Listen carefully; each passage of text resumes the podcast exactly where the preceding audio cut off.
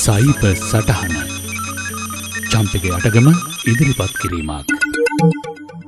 මගේ කාර්යාල යාළුවෙක් මීට අවුරුදු දෙකකට වියත්තර ඉහතදී සියදි විනසා ගත්තා. ඊට කලින් දවසේ අපිත් එක්ක ඉඳලා ගිහින් පසුදින උදේ ඔහුගේ මරණය ගැනහන්න වනහම අපි ඔක්කෝම අතිශය කම්පනයට පත් වනා. බොහොම සැහැල්ලුවෙන් සිනාමුසු මුහුණින් හිටපු ක්‍රිස් එක පාටම දිවි තොර කරගන්න තරමට යොමුණේ ඇයි කියන එක තාමත් අපිට ගැටලුවක්. සිනාමුසු මුහුණින් හිටියත් ටිකක් හුද කලාවින්න ප්‍රියකරපු ක්‍රිස් එක්ක අපි මීට වඩා සමීපව දුකස පෙදාගත්තා නම් ඔහු තවදුරටත් අපි අතර ඉන්න ඉඩ තිබුණ කියලා මම විශ්වාස කරනවා. දෙදස් පහළවේ සංඛ්‍යා ලේඛනවලට අනුව ඔස්ට්‍රේලියාවේ අවුරුද්ධකට තුන් දහසකට වඩා සියදිවි නසා ගන්නවා. සියදිවි නසාගන්න හැට පන්දස් තුන්සිය දෙනෙක් උත්සා කරලා තියෙනවා. සරලව කිව්වොත් දවසකට මෙසේ උත්සාහ කරන එකසිය අසු දෙනාගෙන් අටක් නමයක් අතර පිරිසක් ඇත්තරම ජීවිතය නැති කරගන්නවා. මින් පිරිමි මරණ තමයි වැඩිම.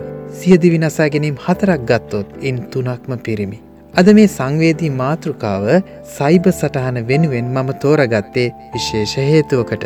මීට දවස් තුනකට කලින් එකයන්නේ සැත්තැම්බර් දාහතරවෙනිදා ඔස්ට්‍රේලියාවේ ආයුෝකේ දිනය යෙදිල තිබුණා.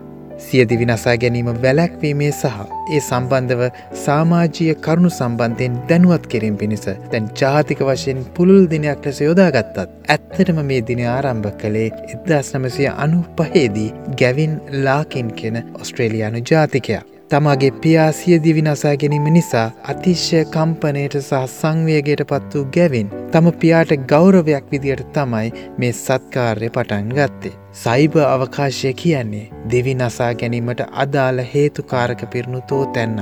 තරුණ වැඩිහිටි හැමෝටම පොදු අවකාශයක් වුණත් විශේෂම අන්තර්ජාලය හරහා කරන පරපීඩක ක්‍රියා කියන සයිබ බුලීන් හරහා දැඩි මානසික කඩා වැටීමකට ලක් වෙලා විෂාදය එමන්නත්නම් ඩිප්‍රේෂන් තත්ත්වයට පත්වෙලා අහිංසක තරුණ දරුවන් නිරපරාතය තමන්ගේ ජීවිත නැති කරගන්නවා. දවසින් බොහෝ කාලයක් සයිබ අවකාශය ගත කරන සමාජචාලා චැට් අඩවල තමන්ගේ වර්චුවල් අයිඩෙන්ටිට එකත් එක්ක බොහෝම තදින් බැඳුණු ඔවුන් මේ වගේ සයිබ බුලීන් හෝ සයිබ හැරස්මන්ට් වලට දැඩි ලෙස ගොතුරවිය හැකි. ඒ අතරම වෙනත් අයලෙස පෙනී සිටිමින් ඔවුන් වෙත ලංවීමට උත්සාධරන කාමාතුරයන් ගැන තොරතුරුත් එලෙස ගොදුරුවන සමහර දරුවන් අවාසනාවන්ත ලෙස මරණයට ලක්වෙන ශෝක ජනක ප්‍රවෘත්තිත් ඔබත් අසා ඇති. මේ වෙනුවෙන් අපිට කුමක්ද කළ හැක්කේ මූලිකම කාරණය තමයි අවබෝධය. මම තනිවුණේ නැහැ. මට මගේ දෙමාපියන් හෝ වැඩිහිටියන් ඕනෑම අභියෝගයකට ඉන්නවා කියලා දරුවා සිතන තුරාවට ඔහු හෝ ඇය කවදාවත් සියදිවි නසා ගැනීම පිළිතුරක් ලෙස නම් හිතන්නේ නැහැ.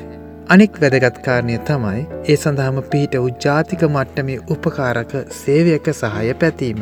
උදාහරණයක් විදියට මධ්‍යම රජය විසින් ස්ථාපනය කරලා තියෙන Office of the E-Safety Commission අමතා ඔවුන්ගේ සහය ලබාගන්න පුළුවන්.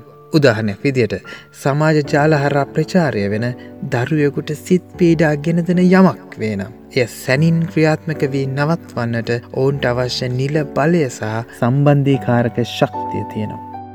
මම හිතනවා මේ කරුණුවලින් ඔබට යම් අවබෝධයක් ලැබෙන්න ඇති කියලා සයිබ අවකාශයේ සමහර වුවදුරුලෙන් ඔබේ දරුවා රැකගන්න. අද ඔබට මෙම පනිවිඩිය සයිබ සටහන වෙනුවෙන් ගෙනා මම චම්පිකෑටගම්.